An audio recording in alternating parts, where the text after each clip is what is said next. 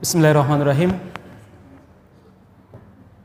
Assalamualaikum warahmatullahi wabarakatuh. Innal hamdalillah nahmaduhu wa nasta'inuhu wa nastaghfiruhu wa na'udzu billahi min syururi anfusina wa min sayyiati a'malina. May yahdihillahu fahuwal muhtadi wa may yudlilhu fala hadiyalah. Asyhadu an la ilaha illallah wa asyhadu anna Muhammadan abduhu wa rasuluh. Allahumma salli wa sallim ala nabiyyina Muhammadin wa ala alihi wa ashabihi wa mawalah. Rabbi syrah li sadri wa yassir li amri wahlul 'uqdatam min lisani yafqahu qawli. Allahumma fa'na bima 'allamtana wa 'allimna ma yanfa'una wa zidna ilman wa ba'd. Ayolah ahbab, bapak-bapak, ibu-ibu yang mudah-mudahan dirahmati Allah Subhanahu wa taala. Puji syukur kehadirat Allah Subhanahu wa taala. Malam ini kita kembali dimudahkan untuk duduk bersama dalam rangka tawasobil haqi dan tawasobil sabar. Mudah-mudahan duduknya kita dicatat sebagai amal soleh di sisi Allah Subhanahu wa taala. Salawat dan salam mudah-mudahan tercurahkan kepada Nabi kita Muhammad sallallahu alaihi wasallam kepada keluarga beliau, sahabat beliau dan siapa saja yang istiqomah di atas petunjuk Nabi kita Muhammad sallallahu alaihi wasallam. Kita senantiasa berdoa kepada Allah, mudah-mudahan kita termasuk mereka yang diberi kemampuan untuk bisa istiqomah menapaki petunjuk Rasulullah sallallahu alaihi wasallam. Jamaah sekalian, malam ini sebagaimana saya janjikan pada pekan lalu, kita akan mengkaji fikih-fikih yang terkait dengan bulan Ramadan. Tadi malam kita sudah memulainya tentang bagaimana kita menentukan awal dan akhir bulan Ramadan. Kemudian beberapa hal yang terkait dengan fikih-fikih dasar terkait tentang ibadah bulan Ramadan. Masih ingat ya tadi malam bagi yang hadir? Uh, baik, di kesempatan kali ini saya masuk pada makosid. Apa makosid? Begini, dalam syariat Islam, Bapak Ibu sekalian, apa pun syariatnya, pasti memiliki tujuan di balik itu semuanya. Pasti ada tujuannya. Baik tujuan tersebut kita bisa menangkapnya atau tujuan tersebut hanya sebagian para ulama yang mengetahuinya. Kenapa? Karena Allah Subhanahu wa taala tidak pernah menurunkan syariat sia-sia. Pasti ada tujuan mulia di balik itu semuanya. Nah, ma'asyiral muslimin yang mudah-mudahan dirahmati Allah Subhanahu wa taala, secara umum tujuan syariat Islam itu ada enam secara umum ya. Nanti per peribadah ada tujuan sendiri-sendiri. Tapi semua syariat, semua syariat mulai dari akidah, ibadah, muamalah, adab maupun akhlak, semuanya tertuju pada enam perkara. Poin pertama kata para ulama adalah apa? Hifduddin, yaitu untuk menjaga agama.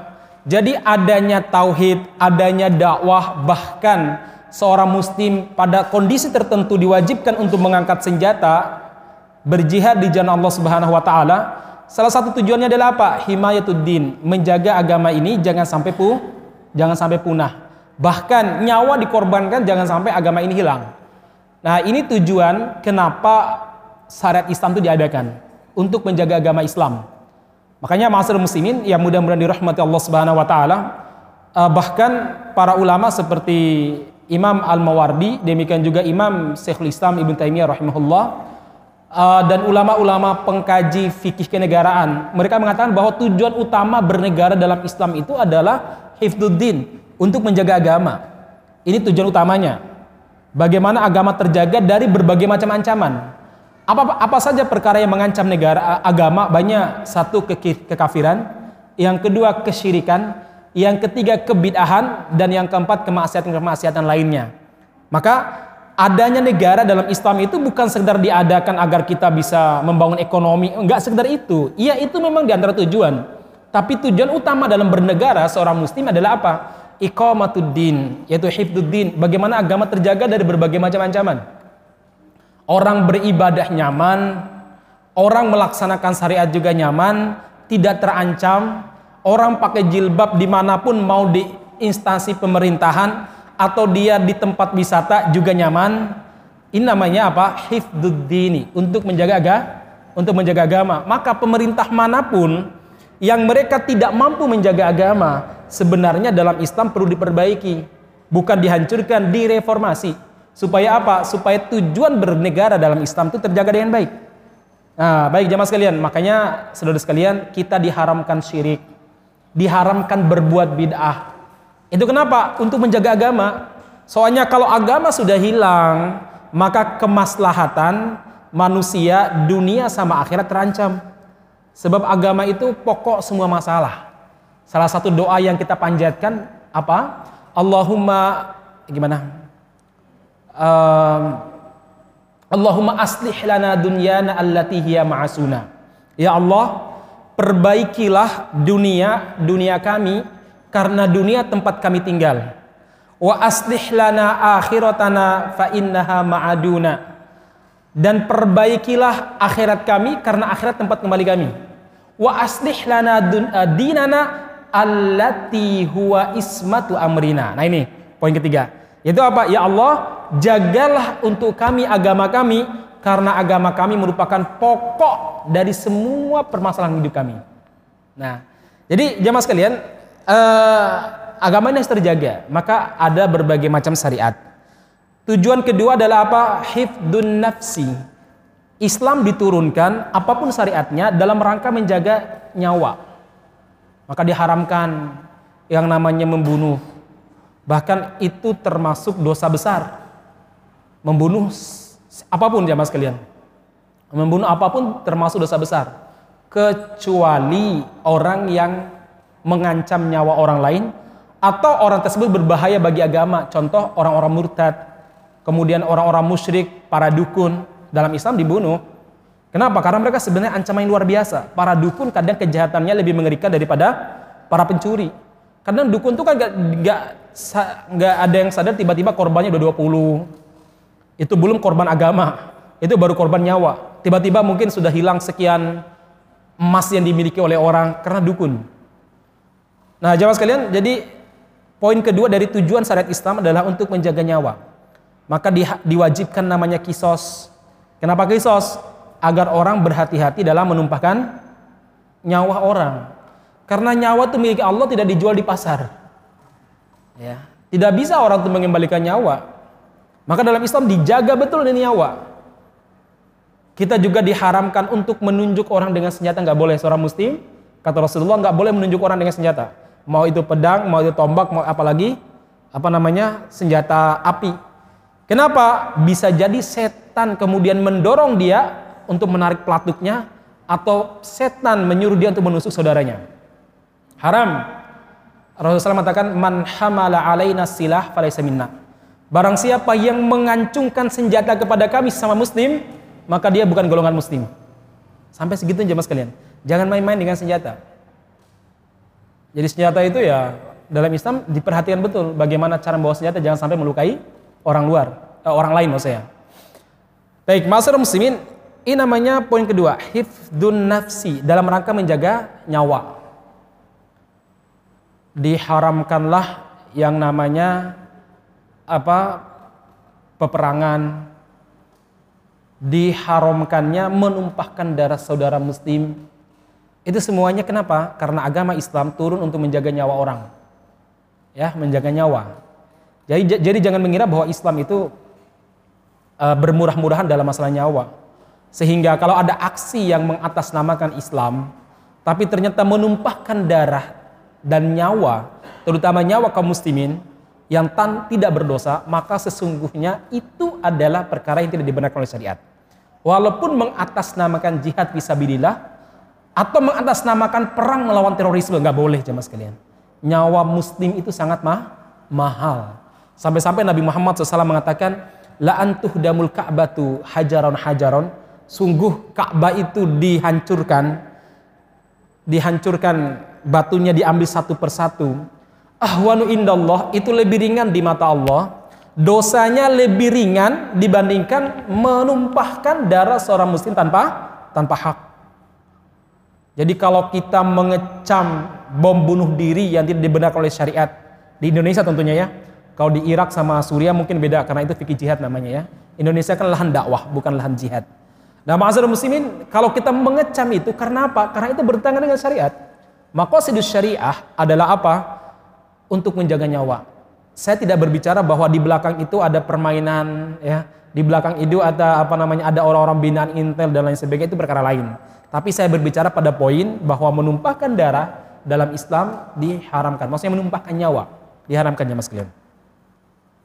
Sama menumpahkan darah juga atas nama perang melawan terorisme juga nggak dibenarkan. Karena lucu, kadang orang nggak tahu kesalahannya tapi sudah ditumpahkan nyawanya. Anda bayangkan enam orang laskar, bukan laskar ya, pemuda muslim sebenarnya.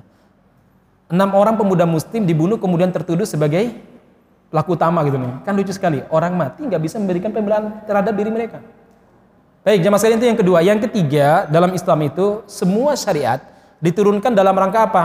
hifdu al-akli, menjaga akal. Maka diharamkanlah homer, diharamkan perempuan menampakkan auratnya karena itu akan merusak akal laki-laki. Apa iya Ustaz? Iya, Nabi yang bilang, bukan saya. Apa kata Nabi? Nabi Muhammad SAW mengatakan, Marwa itu, saya belum pernah melihat makhluk yang kurang akalnya dan kurang agamanya tapi lebih cepat menghilangkan akal sehat seorang laki-laki yang pinter daripada seorang perempuan. Diharamkan karena itu bisa menghilangkan akal sehat. Apalagi sekarang, masya Allah, saya itu nggak tahu hubungannya iklan rokok dengan perempuan tuh selalu jadi eksploitasi adalah perempuan. Ya. Apa hubungannya antara iklan ban mobil dengan perempuan yang pakai rok mini? Itu nggak ada hubungannya, tapi dihubung-hubungkan aja. Itu sebenarnya merusak akal jamaah sekalian. Karena ternyata, silakan nanti cari penjelasan para dokter ya, yang sifatnya pornografi, porno aksi, atau hal-hal film lain sebagainya itu, itu jauh lebih merusak akal daripada daripada miras, daripada apa namanya, daripada ekstasi dan lain sejenisnya. Itu lebih merusak akal. Batang orang itu akan mengecil batang otak seseorang itu akan mengecil kalau dia terus dipertontonkan yang namanya pornografi, porno aksi dan sebagainya. Baik jemaah sekalian, ini kenapa Islam itu mengharamkan homer, mengharamkan ganja, Islam itu mengharamkan hal-hal yang berbau memabukkan karena itu bisa merusak akal manusia. Syariat diturunkan untuk menjaga akal. Maka kalau ada ada kalau ada upaya orang merusak akal, entah dengan melegalkan miras, atau mungkin mereka melegalkan produksi-produksi uh, pornografi dan lain sebagainya, maka sungguh orang seperti ini merusak agama sebenarnya. Merusak agama, merusak tujuan pokok diturunkan syariat Islam. Itu yang keberapa? Keberapa, Pak? Tiga. Yang keempat, Islam diturunkan dalam rangka hifdul mal, menjaga harta. Agar orang tidak menyia-nyiakan hartanya maka diharamkannya mencuri, diharamkannya riba, diharamkannya yang namanya multi level marketing, diharamkannya ada jual beli yang ada unsur kedoliman, diharamkannya hal-hal yang sebenarnya bisa merusak harta orang dalam Islam diharamkan. Ya, diharapkan gosok, gosok itu artinya minjem tapi tanpa beritahu ya. Niatnya minjem aja tapi tidak beritahu. Nah ini nggak benar juga jamaah sekalian namanya gosok. Dalam sebuah riwayat para ulama, al-gosobu akhus sarok. Menggosok itu meminjam tapi nggak ada nggak ada niatnya mencuri, cuma minjam nanti dikembalikan, itu saudaranya mencuri, nggak diperbolehkan. Maka di di pondok tuh biasanya di, di, di, ditekankan masalah ini. Kenapa? Karena santri itu sebenarnya kalau minjam sandal temannya itu bukan untuk mencuri, cuma minjam sebentar, minjam untuk ke WC ternyata di WC-nya antri, hmm, di kamar mandinya antri. Akhirnya orang yang punya kesulitan untuk pakai sandal, maka diharamkan. Baik, jamaah sekalian. Jadi hifdul mal. Yang kelima namanya hifdun nasl, yaitu diharam uh, untuk menjaga keturunan.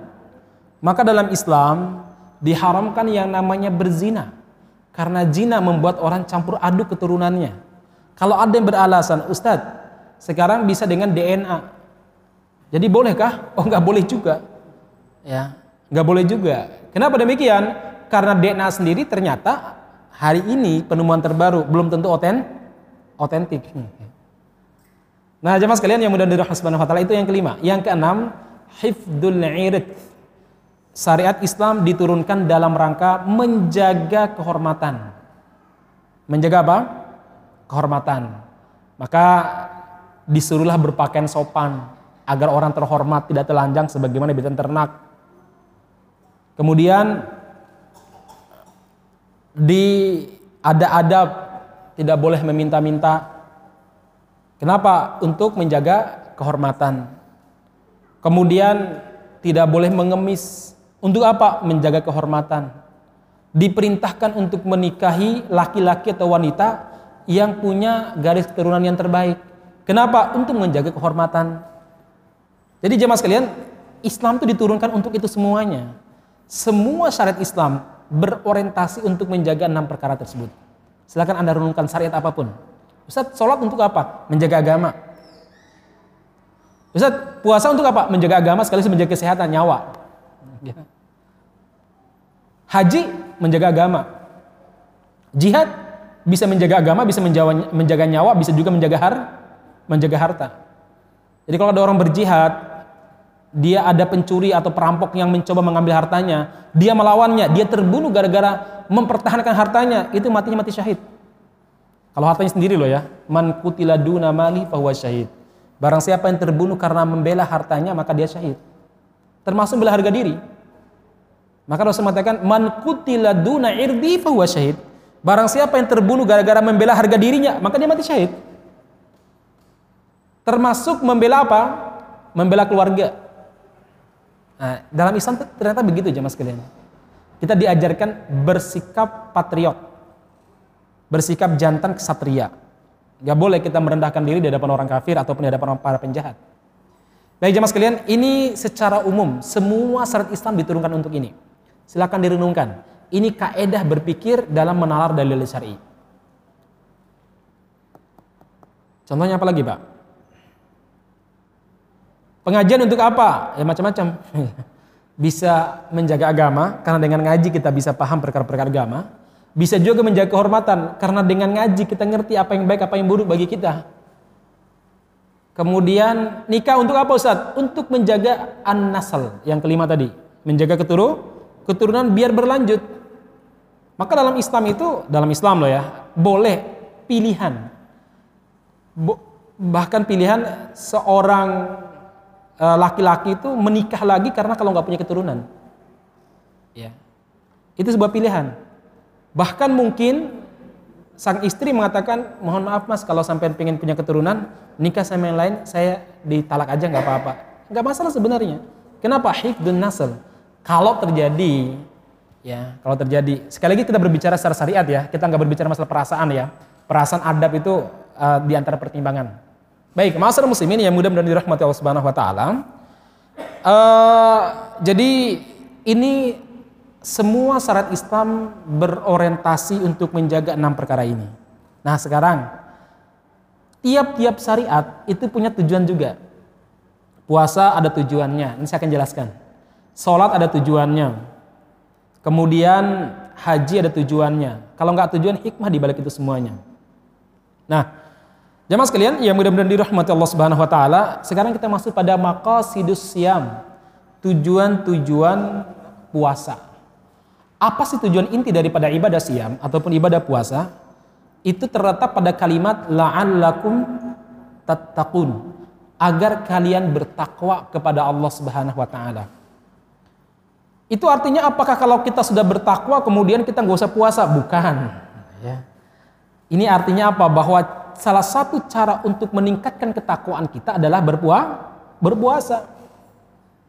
Kalau kita nggak berpuasa berarti ketakwaan kita berkurang. Kan di situ cara logikanya. Nah, masyarakat muslimin yang mudah-mudahan dirahmati Allah Subhanahu wa taala. Pertanyaannya, takwa itu apa? Intinya kata para ulama, takwa itu ada pada ini, tazkiyatun nafas, bagaimana mensucikan jiwa kita. Makanya masyarakat muslimin yang mudah-mudahan dirahmati Allah Subhanahu wa taala, inti daripada ibadah siam bagaimana mensucikan jiwa kita, bagaimana kita bertakwa kepada Allah Subhanahu wa taala. Nah, pertanyaannya takwa itu seperti apakah? Nah, di sinilah Ali bin Abi Thalib radhiyallahu anhu menjelaskan bagaimana takwa. Beliau mengatakan takwa itu ada lima unsur. Ada berapa? Ada lima unsur. Yang pertama kata beliau al khawfu minal jalili yang pertama adalah apa? Takut kepada Allah Subhanahu wa taala. Artinya orang yang berpuasa seharusnya bisa melahirkan rasa takut kepada Allah Subhanahu wa taala melebihi ketakutnya kepada siapa pun. Bahkan para ulama mengatakan takut ini di antara intisari ibadah. Di antara semangat dan intisari ibadah.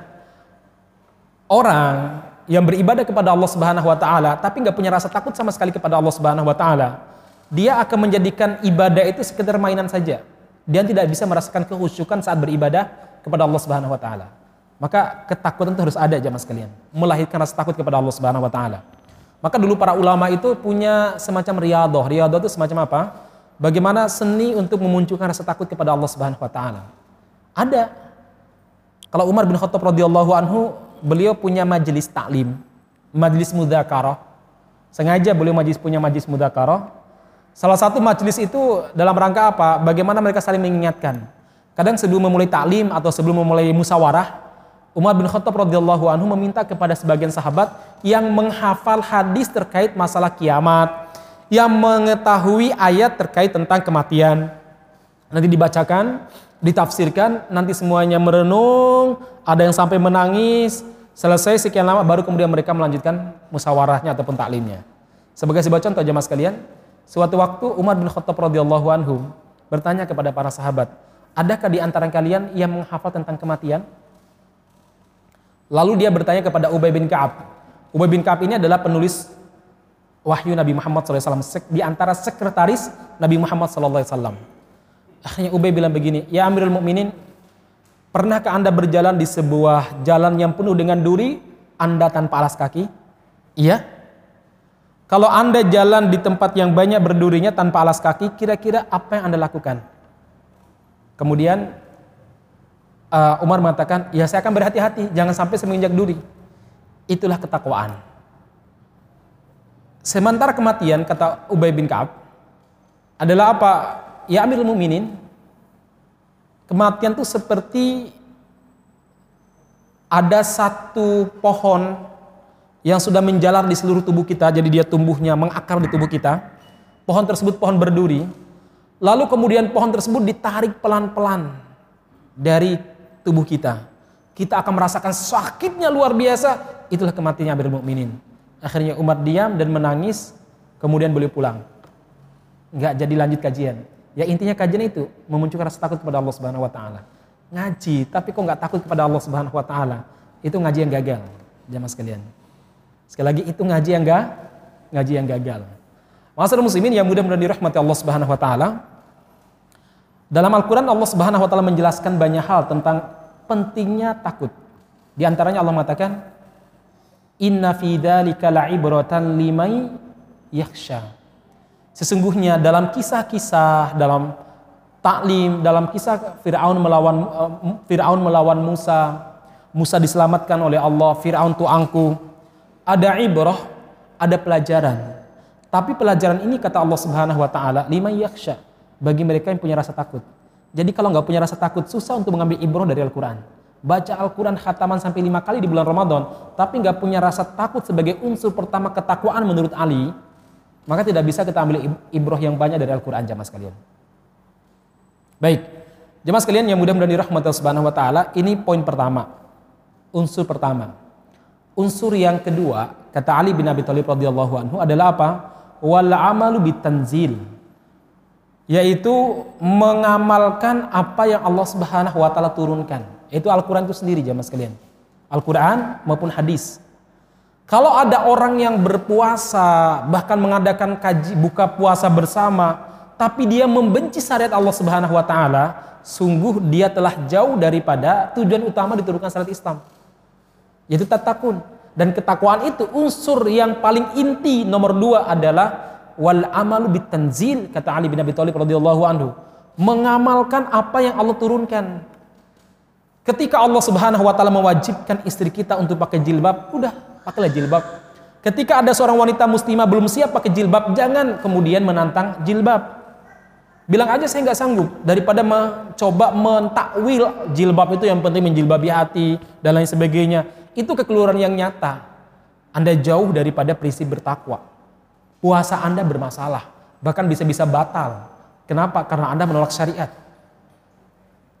Jadi mengamalkan Al-Qur'an tidak boleh separuh-separuh. Hanya diambil yang apa? Yang enak-enak saja, yang wakaf diambil, dana haji diambil, kemudian apa lagi? Dan sejenisnya. Sementara hal-hal yang terkait dengan problem besar misalkan menjauhkan masyarakat dari riba, di mana riba menyebabkan Allah Subhanahu wa taala murka. Kemudian bagaimana dalam masalah nyawa, dalam masalah harta, dalam masalah darah, semua diatur dengan syariat Islam. Ada orang yang nggak mau terkait masalah itu. Jadi menolak sebagian, mengambil sebagian. Islam nggak membenarkan demikian. Islam itu mengajar kepada kita satu prinsip. Apa itu? Totalitas atau tidak sama sekali. Nggak boleh separuh-separuh. Totalitas atau nggak sama sekali. Saya berikan contoh aja mas kalian. Anda sholat, mulai mulai dari takbiratul ihram. Allahu akbar, kita takbiratul ihram. Ruku, sujud, Al-Fatihah udah kita kerjakan. Kemudian tahiyat akhir, fil alamina innaka hamidum majid. Lalu tiba-tiba Anda ngobrol dengan kawan Anda, "Eh, gimana Mas kabarnya?" ya. Sa apa ba, sa apa batal? Batal. Kenapa? Ada satu yang belum dia kerjakan apa itu? Salam. Anda so, terima sama totalitas atau enggak sama sekali? Enggak boleh separuh-separuh dalam berislam. Beda halnya kalau kita memang tidak mampu. Ketika Anda tidak mampu berdiri, duduklah. Ketika duduk tidak mampu, bagaimana? Tidurlah. Ketika tidur tidak mampu, isyaratlah jamaah sekalian. Beda. Nah, masalah muslimin yang mudah-mudahan subhanahu wa taala, ini namanya poin kedua. Tujuan pokok diturunkannya ibadah siam agar kita bertakwa. Dan ketakwaan ini ada unsur. Unsur paling penting ada lima kata Ali. Dan nomor dua adalah apa? Wal amalu bitanzil. Bagaimana kita menerima wahyu Allah Subhanahu wa taala tanpa kemudian kita protes. Saya sering menyampaikan begini. Uh, perasaan kita saat menerima perintah Allah Subhanahu wa taala jauh lebih tinggi daripada perasaan seorang prajurit ketika menerima perintah komandannya. Biasanya kalau prajurit siap dan, siap dan gitu nih, tanpa bertanya. Seorang muslim juga demikian jamaah, jauh lebih daripada itu, menerima perintah Allah Subhanahu wa taala siap. Yang kedua, terima dengan ikhlas. Laksanakan. Nggak bisa kemudian kita berprotes. Allah Subhanahu wa taala berfirman, "Inna qaulul mu'minin" Sesungguhnya ucapan orang-orang beriman ketika diajak yuk kembali kepada syariat, yuk kita menegakkan syariat Islam. Apa jawaban kita? Ayyakulu sami'na wa atona. Kami dengar komandan. Ya. Kami dengar ya Allah dan kami siap mentaatinya. Itu seorang muslim. Bukan kemudian sami'na wa mikir-mikirna. Kami dengar tapi kami pikir saya. Sekali lagi perlu dibedakan antara tidak mau dan tidak mampu tidak mampu dimaafkan, tidak mau dapat pahala, dapat dosa. Hmm. Nah, muslimin ini poin kedua kata Ali bin Abi Thalib. Poin yang ketiga dari intisari takwa kata beliau adalah apa? Yang ketiga adalah wal istidadu liyaumir rohil. Yaitu apa? Kita beristidad, siap-siap untuk uh, menghadapi kematian. Itu seorang muslim selalu bersiap-siap untuk menghadapi kematian. Sehingga orang yang punya rasa seperti ini, maka dia akan semangat untuk beribadah. Ada cerita yang luar biasa. Ketika Alip Arsalan, Alip Arsalan itu adalah sultan kedua dari Daulatus Saljuk Al-Kubro yaitu Seljuk. Kekuasaan Seljuk yaitu kekuasaan Islam kurang lebih tahun seribuan lah, seribuan lah. Yang pernah berdiri tegak di Khorasan. Khorasan itu wilayah Iran dan sekitarnya. Iran, uh, Afghanistan dan sekitarnya. Itu kurang lebih berapa? Kurang lebih sekitar 200 tahun berdiri. Pernah menguasai uh, hampir berapa ya? Mungkin seperempat belahan bumi ini pernah dikuasai oleh Daulah Saljukiyal Kubro ini. Yang sekarang filmnya lagi rame nih. Namanya Uyanis Bayu Selçuklu ya. dibuat sendiri oleh Erdogan. Ya, bagaimana kebangkitan Islam di era Seljuk. Nah, jemaah sekalian, yang mudah-mudahan dirahmati Subhanahu wa taala. Alep Arsalan ini ini merupakan sultan kedua. Ketika beliau mendengar bahwa orang-orang Bizantium Raya akan menyerang umat Islam dan ingin merebut Al-Quds. Karena pada saat itu khilafah itu semacam apa ya? Khalifah itu semacam ini aja, tanda tangan tok, nggak punya kekuatan sama sekali. Jadi uh, bisa begini, kalau ada orang ingin mendirikan negara, setelah setelah dia mendirikan negara, dia ngirim surat kepada khalifah, khalifah Bani Abbasiyah. Nanti khalifah itu yang akan mengesahkan dia sebagai sebagai kepala negara atau negara tersebut disahkan. Ya. Jadi khalifah itu hanya sekedar stempel aja, nggak punya kekuatan, nggak punya kekuasaan saat itu. Nah saat itu ya udah mulai melemah kekuasaannya. Jadi otomatis kekuasaan itu uh, di sekian wilayah itu ada ada kekuasaan sendiri ya. Di nanti di Turki ada kekuasaan uh, kerajaan apa, kemudian di India ada Ghaznawi namanya, nanti di mana itu ada kekuasaan-kekuasaan sendiri jamaah sekalian. Nah, kemudian saat itu khalifah meminta kepada Alip Arsalan untuk bersiap-siap mempertahankan Al-Quds dari serangan tentara salib. Lalu kemudian beliau menyiapkan kurang lebih sekitar 15 prajuritnya ditambah dengan uh, sukarelawan menjadi 5.000 menjadi 20.000. Sementara beliau dengar bahwa kaisar akan mengerahkan tentara sejumlah 600.000. Bayang. Begitu beliau mendengar hal itu, beliau bilang kepada para prajuritnya, "Sudah bukan saatnya kita mengatakan mundur." Karena hari ini Islam dan nyawa umat Islam di tangan kita. Maksudnya sangat bergantung pada jihad kita. Maka beliau masuk ke dalam tendanya.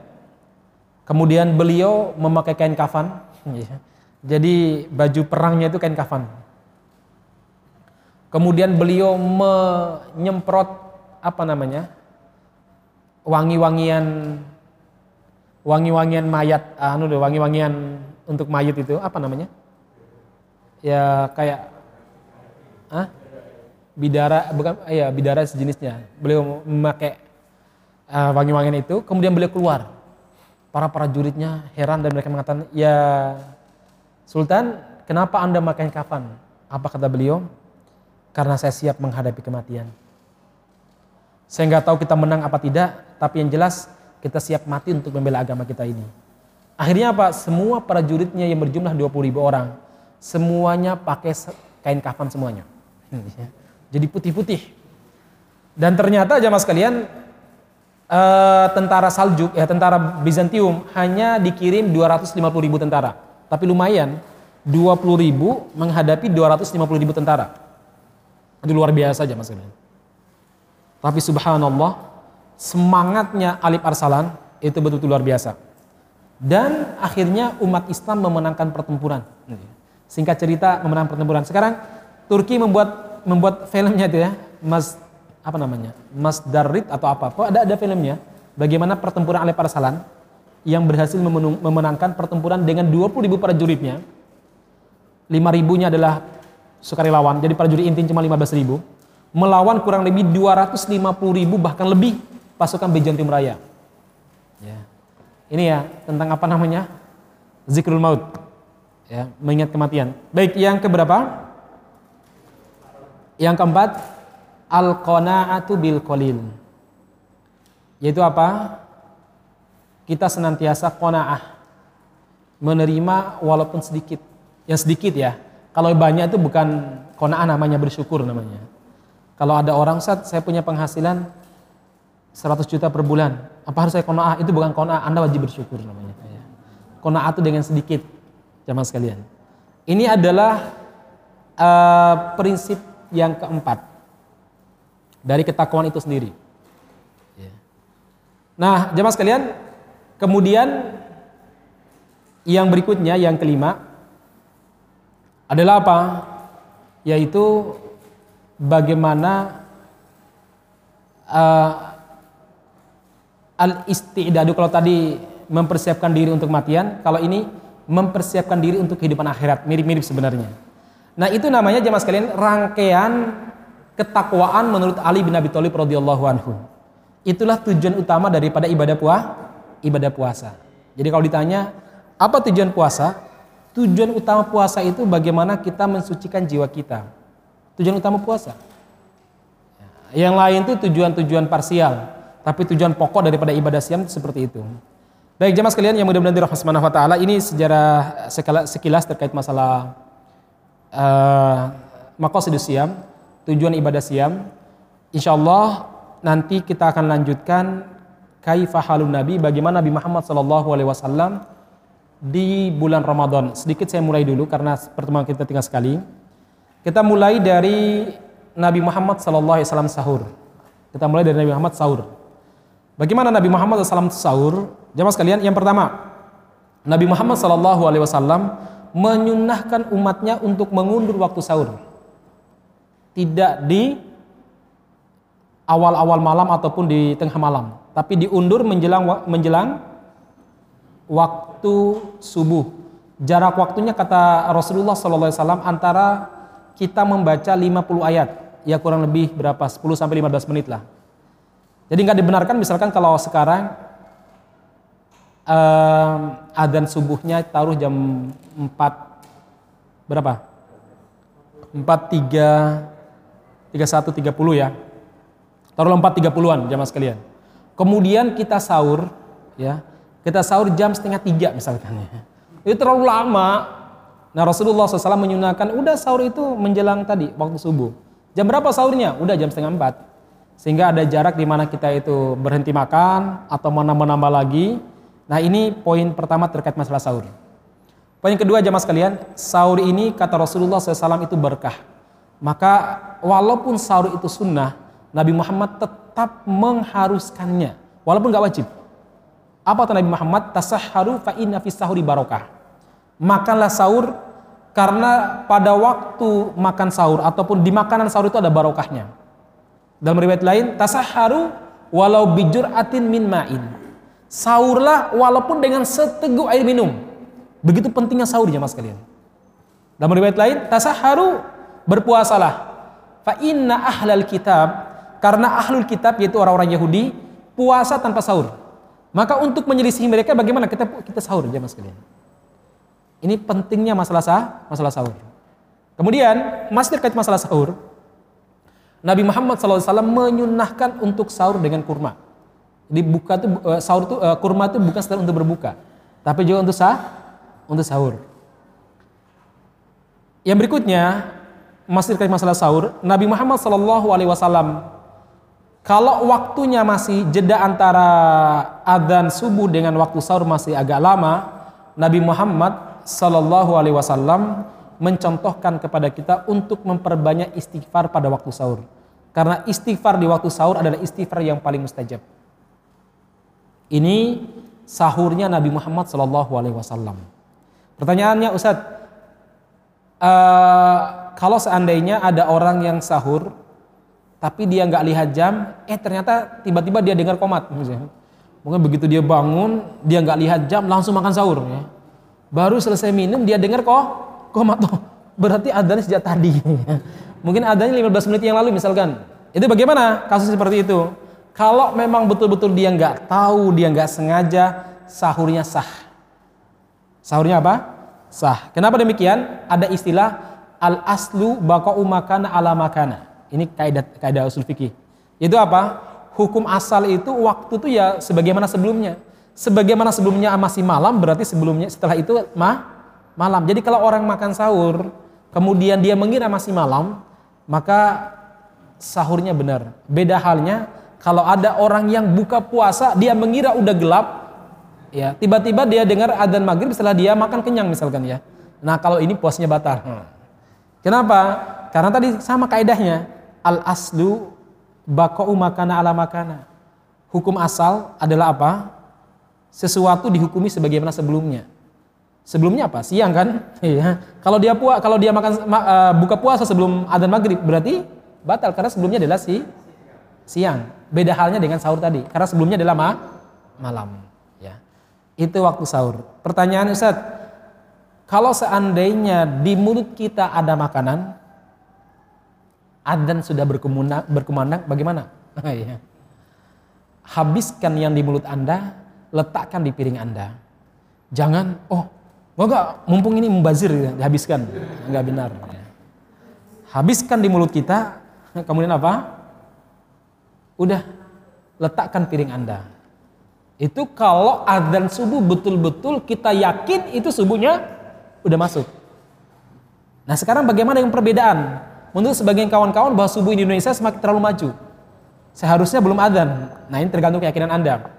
Pilihan keyakinan itu menjadi uh, punya konsekuensi.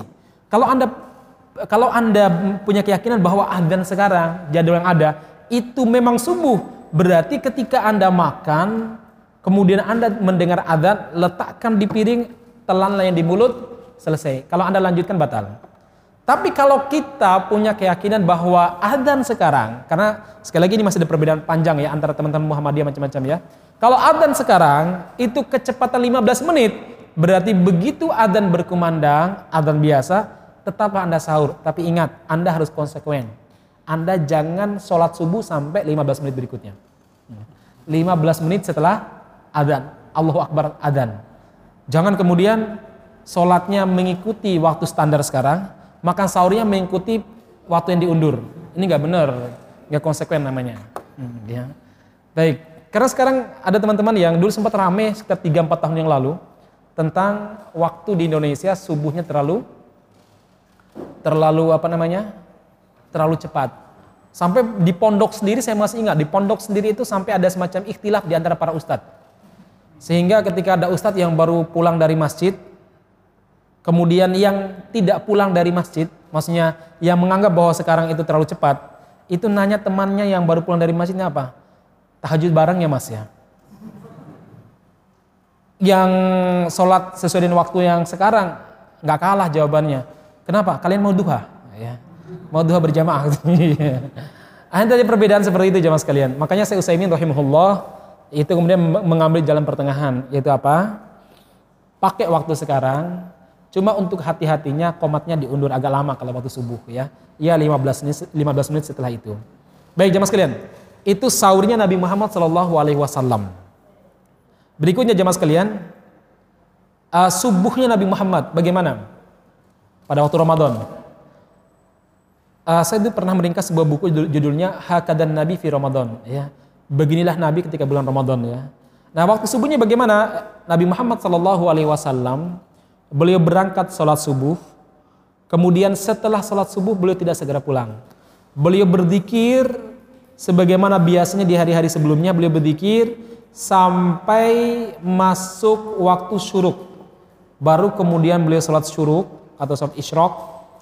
Kemudian beliau keluar untuk menemui istri-istri beliau, nanya kabarnya, ngobrol dengan mereka.